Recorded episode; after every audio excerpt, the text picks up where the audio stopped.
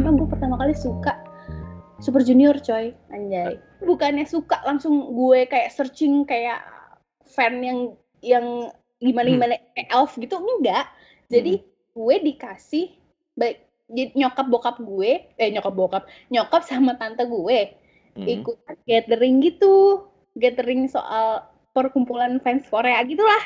Jadi zaman dulu kan masih komunitasnya masih kecil banget kan. Mm-mm. masih aduh pi banget deh gitu. Cuman ya beberapa orang doang tapi mereka bisa bikin gathering bareng gitu di restoran gitulah. Sumpah sumpah. Dari situ kalau nggak salah tante gue menangin CD debutnya si Super Junior. Waktu itu dia masih berdua belas belum ada Kyuhyun masih ada Kibom masih ada Hangkyong mampus loh. Nah dari situ gue dikasih. Nah paling depan mukanya Siwon dari situ gue wah anjir nih orang ganteng gitu kan. Ya udah tuh mulai gue mulai mencari tahu lah tentang Super Junior dan gue mulai ngikutan nyokap gue belajar pakai buku. Eh, lu memutuskan buat eh, kuliah melanjutkan passion sebagai Korean people itu apa sih ngomongnya?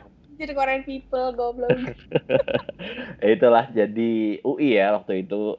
Yang Korea itu sampai akhirnya gimana ceritanya tuh? Lu bisa jadi eh, interpreternya artis-artis Korea itu loh. apa dari SMA gue lulus terus gue masuk UI UI jurusan itu nah pas semester akhir gue itu awalnya semester 8 78 tuh gue udah diajakin kerja jadi backstage officer gitu buat karena Hmm. gue pernah Korea kan jadi gue diajak buat jadi interpreter Eh, jadi ini ya ada perbedaan sedikit dari bahasa interpreter sama translator Hmm. Kalau- Translator itu lebih ke lisan.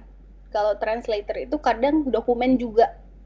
Oh iya iya, gua tahu. Eh, kalau ngomong orang yang memang menginterpretasikan secara live, secara lisan itu interpreter sebutannya ya biasanya. Oh. Tahu kalau sekarang termsnya udah berubah, gue juga nggak tahu. Tapi yang gue tahu gitu pemahamannya.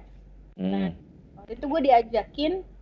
Jadi balik lagi nih, nyokap gue punya komunitas Korea-Koreaannya dia kan. Nawarin, eh ini temennya tante jadi promotor nih, ngundang namanya Isenggi.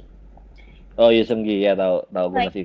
Main Vagabond di Netflix, anjay. Aha. Isenggi mau ke sini, mau fan meeting. Terus gue nggak ngerti kan, hah fan meeting tuh apa gitu kan, karena asing kan. Emang Indonesia ada fan meeting, fan meeting anjir cuman konser doang paling kan. Hmm. Nggak ada fan meeting, apaan fan meeting. Bentar, bentar, bentar, bentar. Berarti sebenarnya lu tuh jadi interpreter dulu baru masuk media. Oh iya, jelas, tentu. Oh, yang pertama Lee Seunggi itu ya berarti ya. Iya, pertama tuh si Isenggi itu. Karena kan biasa anak-anak mahasiswa kan BU kan. Hmm. Ah, Eno, Eno. Zaman-zaman SMA pasti men- mencari mata pencaharian yang pasti untuk berjajan kan. Jadi waktu itu eh gue ditawarin, terus gue di interview dulu karena kan nggak mungkin langsung oke gitu kan meskipun gue memang jurusannya bahasa Korea tapi belum berarti bisa oke gitu loh gimana ya ya Hmm, cocok-cocokan lah, cocok-cocokan itu. cocok dan kemampuan dari bahasanya itu pun gitu karena bener-bener kerja secara profesional gitu meskipun lo part time tapi lo profesional kan di situ lo udah Ya. bukan anak kuliah lagi cap-capannya ya lo gue hire sebagai profesional gitu yang bisa bekerja gitu kan Hmm.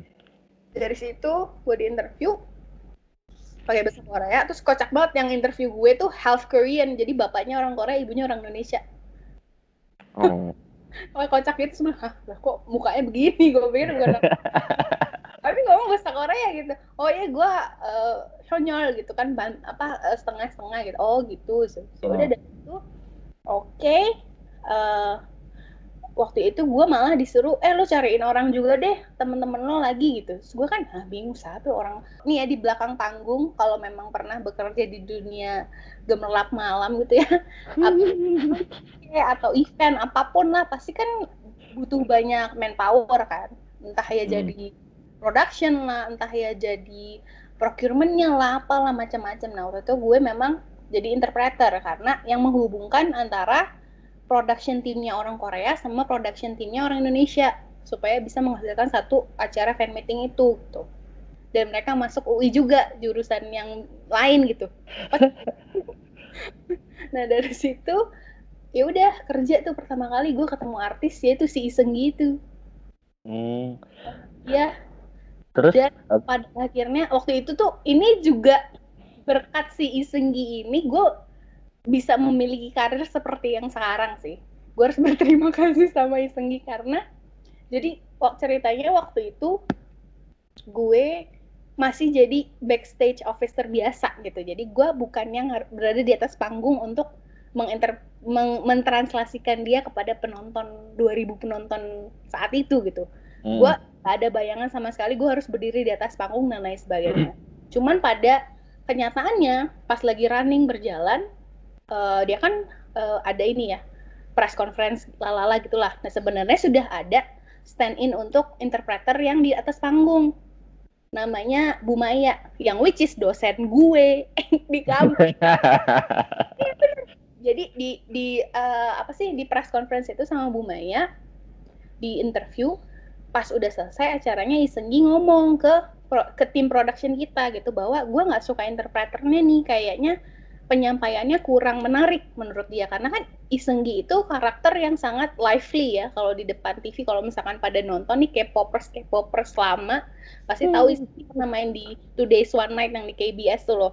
Kan hmm. dia rame tuh banget anaknya sangat apa ya sangat reaktif dengan apa ya dengan penonton penonton gitu loh. Jadi sangat apa sih pertukaran apa ya dialognya tuh sangat luas gitulah karena dia pun juga MC kan. Jadi dia ngelihat interpreternya kok sebenarnya gue ngomongnya seru nih membahas hal seru tapi karena dia nyampeinnya datar penonton juga reaksi ke dia cuman kayak oh gitu doang. Padahal yang dia inginkan tuh dia juga dapat energi dari penontonnya kayak wuh gitu loh.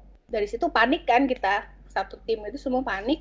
Kayak siapa nih? Cari siapa nih? Waktu itu kan belum ada siapa-siapa itu tahun 2000 2012 2011 eh 12 atau 12 ya itu 12 12 12 tahun segitu terus bingung kan aduh siapa cari? Terus udah nih udah mulai sore malam terus si Iseng gini mau nge-gym. Waktu hmm. itu nya di Ritz Carlton. Jadi kalau kerja backstage interpreter gitu kadang kita disediain satu kamar buat tumplek blok di situ lah buat staff gitu ya.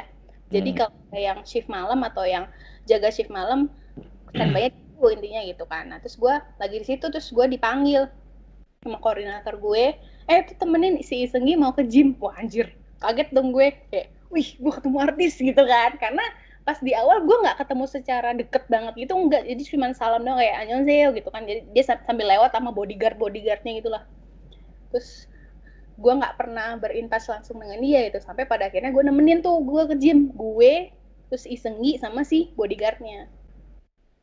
Pas gue ketemu oh nih annyeonghaseyo gitu memperkenalkan diri.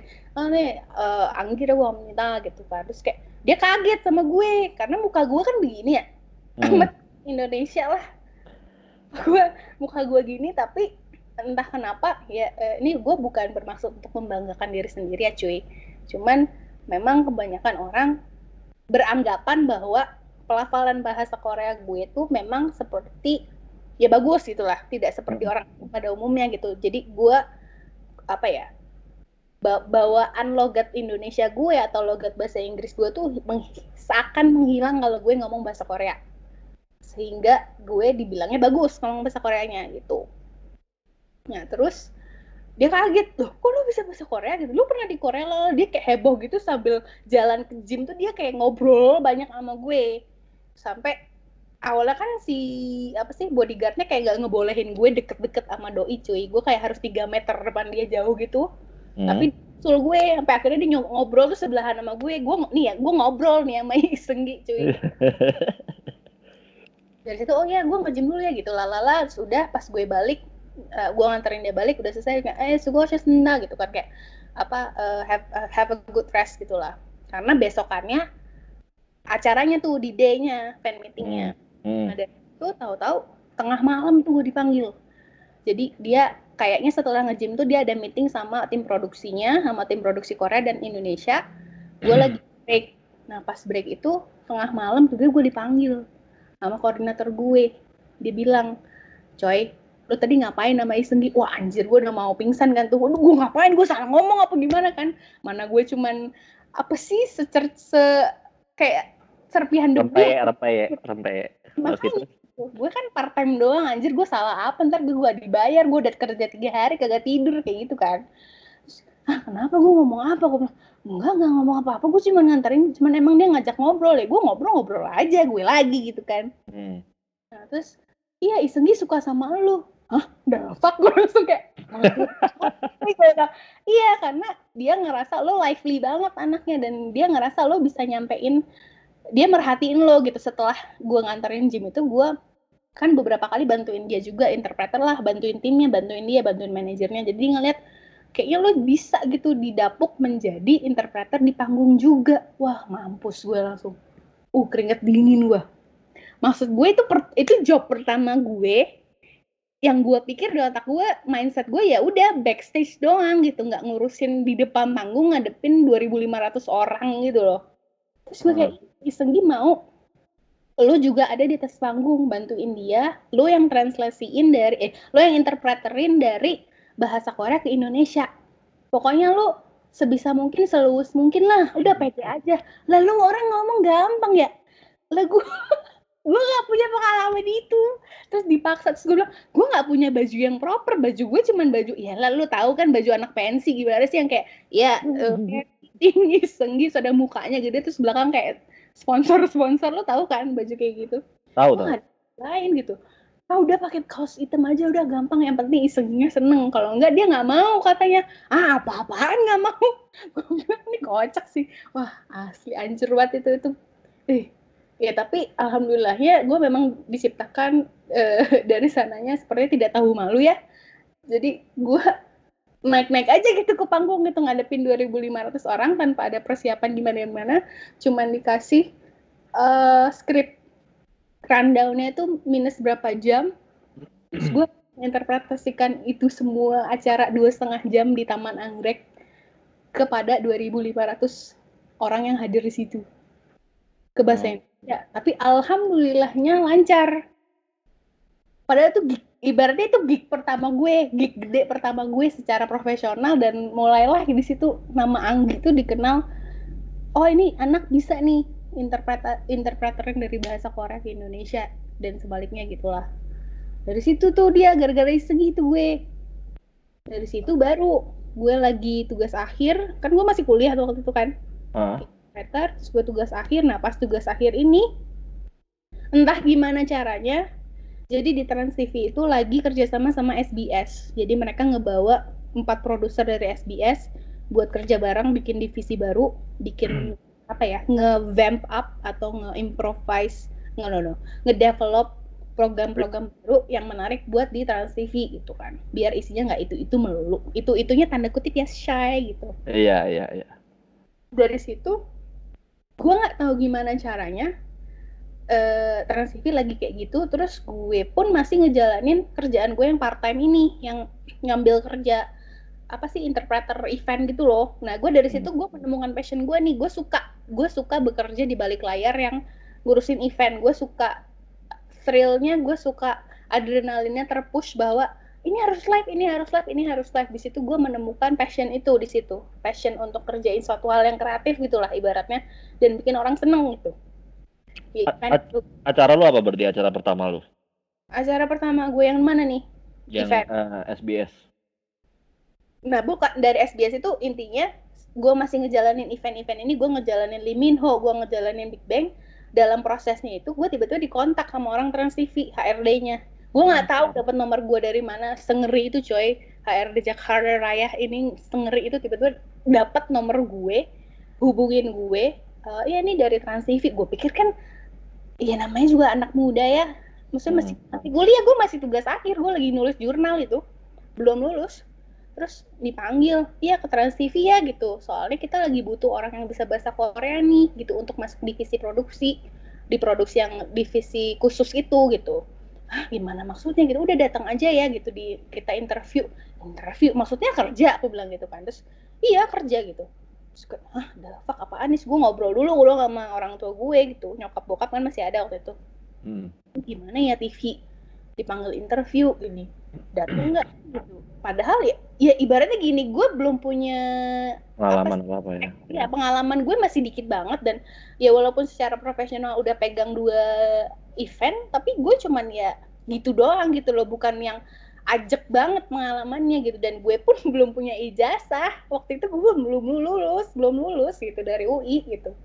Terus nyokap gue bilang ya udah coba aja dulu. Maksudnya lihat-lihat dulu kantornya kayak gimana orangnya seperti apa. Terus bokap gue sih kayak setengah-setengah kayak setuju nggak setuju nggak tapi kayak ya udah coba kamu lihat dulu gitu kan udah tuh gue datang gue ketemu langsung sama empat produser itu Mr. Han, Mr. Park, Mr. Kang sama Mr. Park lagi ada dua gitu lah namanya terus kayak datang dikerubungin empat orang itu kan bisa bahasa Korea gini gini gini ya kita dari SBS lalala gue kayak oh iya oh iya oh iya gitu. Ya jadi nanti di sini tuh tiba-tiba langsung ya jadi nanti tuh di sini kerjaannya gini gini gini ya. Nanti kamu harus gini gini tuh kayak ah, kok gue ha kayak ibaratnya gue kayak udah keterima tapi gue ini gue baru pertama kali ketemu gitu. Jadi bingung aja gitu. Mereka bilang emang kita ini udah pusing banget karena kesusahan. Gak ada orang yang bisa bahasa Korea. Dan gue ngelihat lu punya talenta di bidang itu. Dan sepertinya kalau ngelihat dari pengalaman lu sering kerja di event ya ini 11 12 lah sama itu. Ngomongnya tuh gampang banget padahal dalam otak gue tuh seribu seribu juta. Apa sih seribu hmm. juta zone yang berlalu di otak gue gitu loh. Kayak ini beneran trans TV sih. Ini sih ya, tapi gimana ya gimana ya? Maksudnya belum lulus terus belum melek dengan dunia profesional banget terus tiba-tiba langsung disodorin kontrak gitu loh.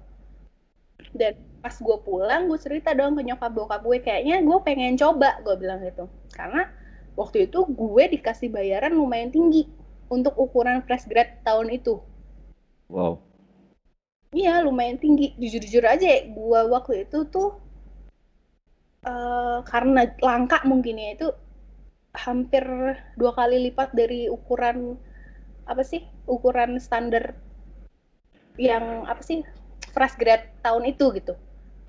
Jadi gue mikir dong wah ini mah lumayan banget gitu kan untuk ngebantu rumah lah maksudnya untuk bekal gue sendiri gitu. Terus gue ngomong kan kayak ke nyokap sama bokap awalnya bokap nggak bolehin tuh. Sama sekali nggak boleh. Nggak gitu. Itu dunia TV dunia malam ibaratnya.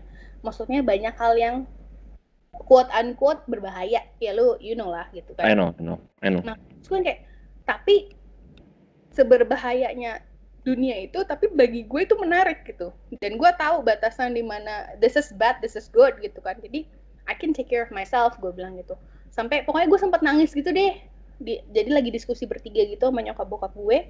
Gue nangis karena bokap gue nggak ngebolehin tapi nyokap gue mungkin ngelihat anak ini suka gitu. Anak ini suka dengan dunia itu gitu. Anak ini suka dengan dunia kreatif gitu. Kenapa enggak gitu? Udah biarin aja deh. Pokoknya gue inget kalimat nyokap gue tuh bilang udah lah pah biarin aja dia coba dulu gitu wah apaan sih gini? Pokoknya bokap nggak nggak sampai apa ya belum mau ngasih sampai akhirnya gue masuk kamar terus kayak berapa hari kemudian baru gue dipanggil lagi sama nyokap sama bokap katanya ya udah cobain aja. Toh kamu juga masih ngurusin apa sih tugas akhir kan? Jadi kan uh, gue dikasih ke apa sih kebebas bukan kebebasan ya kelonggaran dari Trans TV-nya itu juga gue full seminggu tuh nggak full banget kerja karena gue harus ngurusin tugas akhir. Jadi kayak dua hari tuh gue bisa nggak masuk atau gue ngurusin karena gue izin gitu misalnya ngurusin apa tugas akhir gitu. Ya udah dari situ 2013 tuh gue pertama kali masuk trans itu bulan apa ya? Juni apa? Masuk trans udah tuh gue jadi tim tim pertama produksi. Kalau di kok di di kok di mana sih? Di trans itu sebutnya tim Korea.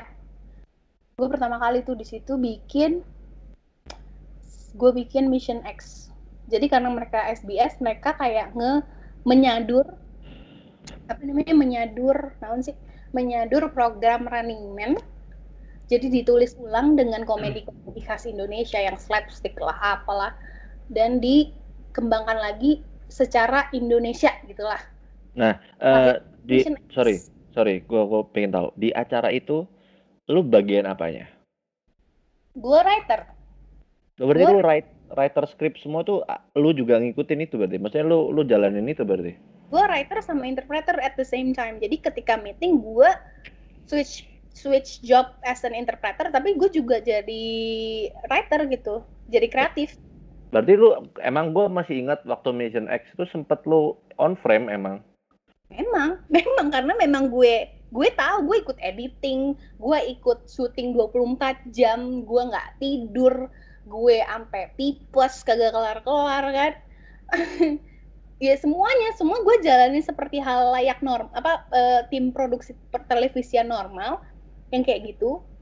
Tapi in the same time gue juga ngerjain interpreter gue gitu jadi kalau ada dokumen apa atau misalkan skripnya itu dalam awalnya dalam bahasa Indonesia gue harus ke bahasa Koreain biar si bapak-bapak itu ngerti kayak gitu vice versa ya lo kebayang lah dunia apa ya gue nggak punya free time banget. Jadi temen gue itu cuman ada di lingkaran kan trans TV-nya doang gitu. Uh, uh, geng gue itu geng produksinya gitu. Gue kayak nggak punya temen karena gue termasuk yang alhamdulillahnya termasuk yang langsung dapat kerjaan sebelum lulus kan ibaratnya gitu. Orang gue waktu apa sih seharusnya kan gue 30 Agustus 2013 tuh gue acara graduation ya di UI tapi itu bertepatan juga kan nyokap meninggal yeah, kan yeah, jadi gue tuh sebenarnya lagi syuting itu Nart gue lagi syuting tapi in the midst of syuting gue tinggal bentar gue gladi bersih gladi bersih apa sih wisuda. Gue pulang pas pulang itu gue syuting lagi tengah-tengah syuting gue ditelepon nyokap gue udah kritis waktu itu. Tapi gue syuting jadi kayak gue kayak gak punya hidup gitu loh. Gue bener-bener menyerahkan seluruh diri gue dengan pekerjaan kan. Tapi gue suka gitu ngerjain itu karena ada elemen utamanya yaitu dengan bahasa Korea ini gitu. Tapi di samping itu memang pekerjaan yang gue tekuni waktu itu memang gue suka gitu. Produksi kreatif bikin-bikin ngedit lah apa. I like it gitu loh. Uh, berarti sebenarnya karir interpreter lu yang ngurusin artis-artis itu semua sebelum kuliah berarti eh sebelum kerja sebelum Enggak, berarti itu waktu lu udah di trans, lu nggak jalan dua berarti kasarnya gitu ya? Di trans tuh gue juga jalan dua sebenarnya. Oke. Okay. nah ini ini ini gue agak nggak ngerti nih, Gi. Maksudnya kan time frame-nya gue gua tuh lupa-lupa inget lah ya. Lu juga uh, sempat interpreter uh, Big Bang tanpa GD dan Lee Min Ho. Lee Min Ho udah pasti kuliah lah ya waktu itu ya. Kuliah masih kuliah. Jadi urutannya itu nah, Isugi, Lee Min Ho, terus abis itu gue ada apa namanya? Siapa ya waktu itu? Ini yang yang Bellet itu loh, siapa sih namanya? Ada Kim Soo Hyun juga, ada Big Bang juga. Eh, uh, gue sih apa ya masih, gue tuh masih amazed sama lu yang jalur lu tuh ya di sisi lain pengorbanan lu yang waktu dan keluarga itu lu bisa dapat chance yang mungkin uh, orang lain nggak dapetin itu. Yang di mana interpreter lu tuh gue nggak ngerti ya. Lu ngerasa nggak sih karir interpreter lu itu kayak highest point of your career gitu? Gue nggak terlalu merasa itu highest point gue. Gue masih mencari uh, eh, gue selalu apa ya dalam perjalanan karir gue sebagai interpreter atau sebagai anggi aja ya. Maksudnya apa pun yang gue tekuni gitu ya. Huh? Gue nggak pernah ngerasa gue berada di titik poin tertinggi sih. Kayak masih terus nge-challenge diri gue aja oh gue bisa nih gitu. Gue bisa nih gue oh. ngadepin kerjaan A B C D E. Gue harus bisa nih. Gue jadi gue nggak ngerasa oh ini nih this is it gitu. Gue nggak pernah ngerasa gitu. Cuman memang kalau secara momen ya namanya manusia ya gitu. Kayak iya yeah, iya. yeah gue temenan sama Lisa Blackpink cuy yang kayak gitu loh. Oh know. ada tapi gue nggak ngerasa itu titik tertinggi gue gitu. Walaupun kadang ada ada aja gitu tiba-tiba orang gue nggak kenal di mana tiba-tiba nge, nge, nge mention gue di Twitter misalkan ih tadi ngelihat misalkan gue habis acara event itu ya gue di mention ih tadi aku ngeliat Kak Anggi seru banget ya bisa gue pengen jadi dia gitu. Gue seneng sih gitu gue seneng tapi passion gue bukan menjadi bintang yang begitu ngerti gak sih? Ngerti bukan ngerti yang, ngerti nah, karena apa ya lu tuh di sisi lain kayak ya lu buat apa sih puas sama begituan gitulah ya kurang lebih ya. Gue lebih gini gue mengerjak gue selalu menger apa ya memilih pekerjaan yang gue suka supaya gue ketika dalam mengerjakan hal itu gue tidak terpaksa wow cool. jadi itu tanaman pen, apa ya apa ya uh, tanaman prinsip dari bokap gue yang diajarin dari gue kecil adalah gitu kerjakanlah satu hal yang memang lo suka jadi lo tidak merasa terpaksa untuk kerjain hal itu. Hmm, oke. Okay. Nah, ini kan interpreter lu tuh udah, mas gue tuh miss sama Big Bang lu. Nah, ini gue nggak tahu dari sudut pandang oh, lu. Cuy, gue juga miss banget itu. ya, jadi kayak. Gue masih wow. gue juga masih fangirling waktu itu. Jadi Hah? Big Bang itu nerd setahun sebelum si Big Bang datang ini, gue Hmm. tuh nonton konsernya yang di Maze, yang di Ancol. Gue nonton. Gue nonton sama sepupu gue, sama tante gue. Dibela-belain jauh-jauh ke Ancol, cuy. Nonton Ya si monster kan. Dari ya dari apa sih gue di tribun jauh banget kagak kelihatan gue sampai bawa apa namanya apa itu yang buat ngeliat dari jauh tuh loh Teropong. ah ya I forgot the word. Eh, Heeh, terus bawa teropong entah kenapa di momen nonton itu gue bilang dalam diri gue dan gue ngomong ke alam semesta atau eh, zat yang lebih kuat atau lo bilang Allah dan lain sebagainya gue nggak tahu kenapa gue kayak ini gue bakal kerja sama ini orang Wow, wow. Ih. Karena ya nggak tahu ya, gue tuh ya kayak dreams come true gitu loh. Ya at least gue nggak di sana tapi lihat temen gue yang ada di sana tuh gue tuh cukup seneng loh lihat lu. Itu koko eh kakao tok kan ya waktu itu. Iya betul betul. Gue tuh masih inget kayak wow Anggi, A sama TOP, Seungri, Daesung. Satu lagi siapa? Teang. Oh ya, Taeyang. Dan itu kayak anjing. Ini ini ini beneran Anggi nggak sih? Itu sempet kayak ya masih masih eh, katakanlah nggak percaya lah sampai hari ini lu bisa sampai di level itu. Iya Dan- nggak ya nggak cuman lu, gue pun juga gitu gitu. Apa ya? Jadi ada satu kenapa gue suka ngerjain event itu karena kayak di setiap gue ngerjain event itu ada satu adrenalin push yang gue dapet ketika gue ngelihat orang ini dan orang ini bertatapan mata sama gue dan ngomong sama gue jadi orang ini tuh maksudnya si bintangnya ini gitu either Yes. Big Bang lah Ki- eh, Lee Min Ho lah Kim Soo Hyun lah Lisa Blackpink lah itu tuh mereka ngobrol sama gue tuh kayak lu sama gue ngobrol gitu. Jadi itu Wow. satu hal yang memang cukup adiktif menurut gue. Jadi bukan untuk dipamerkan ke orang lain tapi kayak kepuasan dalam diri gue tersendiri. Gue pernah in touch sama orang berpengaruh di dunia gitu. Kayak ibaratnya Lisa Blackpink lah. Lu Lisa juga pernah? Lisa pernah. Terakhir terakhir gue ngerjain event off air itu Lisa. Wow. Itu sama Shopee kan gue ngerjain Abis dari Trans eh, ini gua nggak tahu. Lu akhirnya ke Line. enggak Iya kan? Oh, ke Dari- LG ya? gue LG, sempat sorry. Ke Gua LG. LG hanya saja gue cuma sebentar di situ sebenarnya gue menganut kepercayaan gue setia ya orangnya anjay kok gue satu gitu kan gue setia anaknya gitulah mungkin karena ngeliat bokap nyokap gue kayak gitu jadi ya gue anaknya kalau udah satu ya udah gue fokus ke situ dan gue suka gitu. Dan posisinya waktu itu gue udah ibaratnya ya lu udah empat tahun di dunia pertelevisian yang jam kerjanya tuh amat sangat wow luar biasa gitu kan. Dan uh, satu lagi LG gue sebagai planning planning gitu cuman gue masih bersentuhan dengan akar gue yang di mana pendidikan gue kan bahasa dan kebudayaan Korea ya secara LG kan memang perusahaan Korea waktu itu. Nah dari LG ini gue kayak menimbang gitu gue ngambil yang mana ya? Tapi gue ngeliat waktu itu dua-duanya tempat yang sangat bagus untuk belajar hal baru lagi kan pastinya gitu. Dua-duanya perusahaan besar kan. Tapi gue memilih LG karena bahasa Korea gue masih dipakai nih. Karena kalau gue masuk ke satunya gue kayak bahasa Korea gue ijazah gue percuma ibaratnya gitu kan. Hmm. Saya pelajaran yang gue ambil selama empat tahun di UI kan jadi kayak terbuang percuma aja gitu. Kalau gue nggak meneruskan eh, apa sih bahasa Korea gue gitu. Akhirnya gue memutuskan di LG dan bokap gue juga ya oke lah asal kamu suka. Nah waktu itu ya gitu long story short cuman gue nggak nggak gitu lama di LG karena waktu itu gue ada ada satu dan yang lain hal. Terus di, di momen yang sama bokap gue juga meninggal kan waktu itu 2017 akhirnya gue mengundurkan diri dari LG nah dari LG mengundurkan diri setelah mengundurkan diri gue ditawarin sama Line. Jadi waktu itu eh, Line ini sahabat gue udah masuk duluan di Line kan Mbak Okti waktu itu. Mbak Okti eh, nawarin itu divisi gue yang sekarang divisi game itu lagi butuh urgent orang nih gitu yang bisa bahasa Korea juga penting gitu terus lo mau coba nggak? gitu. Udah nggak apa-apa masuk aja coba aja dulu gitu. Ada gue kok gitu kan. Terus ya udah akhirnya interview alhamdulillah cocok. Itu gue nggak mikir apa-apa lagi begitu diterima ya udah gue langsung masuk gitu. Pelan-pelan nyoba lagi tahun 2017 akhir kan itu berarti. Karena gue selesai dari apa LG itu 2017 bulan apa ya? Ya adalah 2017 itu ketika gue berhenti LG terus gue rehat terus gue masuk ke Line. Sampai sekarang. Alhamdulillah. Masih di gaming itu loh berarti? Sampai sekarang iya.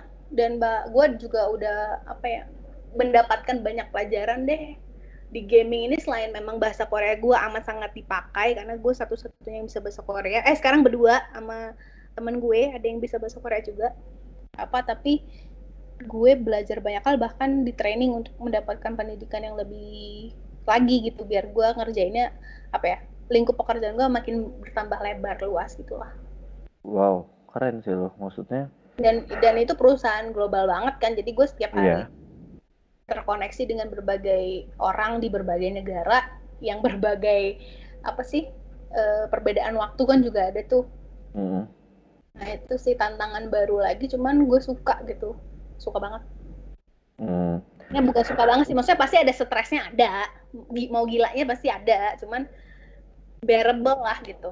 Tadi gue bilang kalau ya banyak banget ya orang di Indonesia yang bisa dibilang hmm, pingin jadi kayak lo karena satu dan lain hal orang tuanya nggak bolehin karena mungkin uh, kayak jurusan bahasa ataupun kerjaan interpreter itu bukan kerjaan yang populer atau yang biasanya orang tua mau yang kayak orang tua mau kan PNS lah BUMN lah kan pasti gitu ya lu yeah. mau apa sih yang lu mau omongin ke mereka buat mengencourage mereka itu apa yang jelas lo harus yakin dari diri lo dulu sih. Jadi ya. kalau lo yakin 100% dengan keinginan lo dan dengan passion lo dan dengan segala challenge yang akan lo hadapi kelak dan lo kayak yakin lo bisa ngelaku, melalui itu semua dan ngelakuin itu dengan benar-benar dengan secara nggak langsung nggak langsung ya believe it or not orang di sekitar lo juga akan ngelihat itu sih. Menurut gua kalau misalkan apa ya benar-benar kayak sama lo dia pasti akan ngeliat oh nih anak memang apa ya bakal bisa nih. Jadi selain lo mempercayai diri lo lo bakal dipercaya sama orang-orang sekitar lo juga gitu loh. Ngerti nggak hmm. sih? Ketika lo menyerah apa ya menyalakan satu lilin lo yakin lilin itu akan membesar gitu cahayanya.